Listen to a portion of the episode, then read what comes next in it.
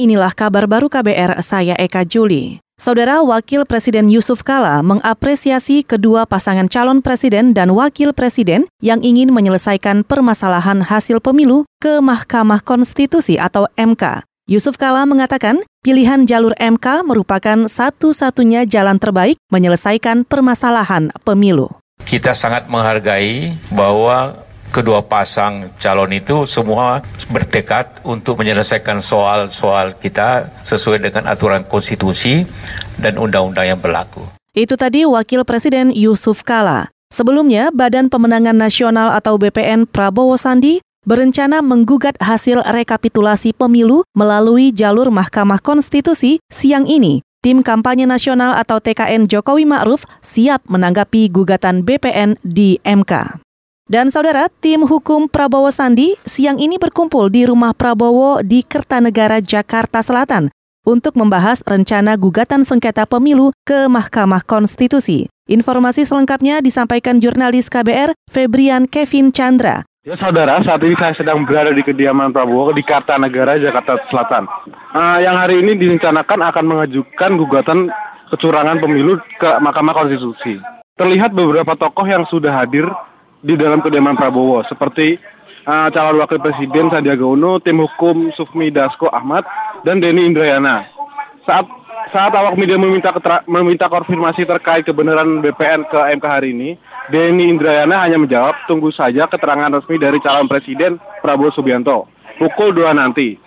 Direncanakan hari ini Prabowo dan tim BPN akan melakukan sholat, sholat Jumat di Masjid At-Taqwa Jalan Sriwijaya Kebayoran Baru, Jakarta Selatan. Masjid tersebut tidak jauh dari kediaman Prabowo.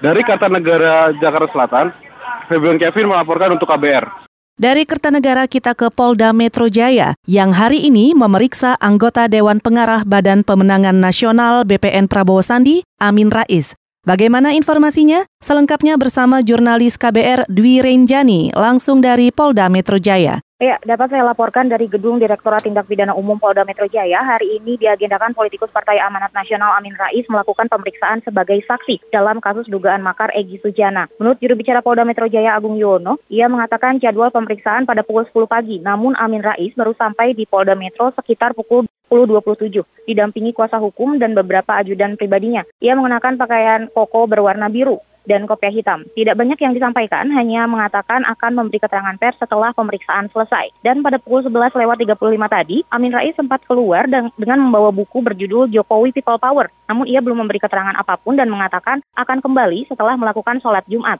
Sebelumnya pada Senin 20 Mei lalu, Amin Rais juga sempat mangkir dari panggilan Polda Metro Jaya. Amin Rais malah justru hadir mendampingi Prabowo ke Polda Metro Jaya pada sore harinya untuk menjenguk Egi Sujana dan Pius Sungkarisman. Dari Polda Metro Jaya, Dwi Renjani melaporkan. Kita ke informasi olahraga.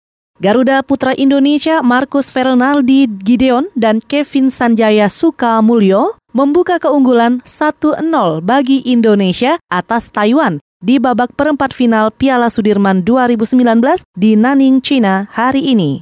Dalam pertandingan yang berlangsung di Guangxi Sports Center Gymnasium itu, ganda putra peringkat satu itu membutuhkan waktu 43 menit untuk mengalahkan ganda putra Taiwan Li Yang dan Wang Chilin dua game sekaligus. Pasangan Taiwan membuat sejumlah peluang dengan memanfaatkan ruang kosong yang tidak terjaga oleh Kevin Marcus, juga dengan rentetan bola-bola smash. Selain Kevin Marcus, Indonesia juga menurunkan Gregoria Mariska Tunjung dan Jonathan Christie untuk kelas yang berbeda. Saudara demikian kabar baru, saya Eka Juli.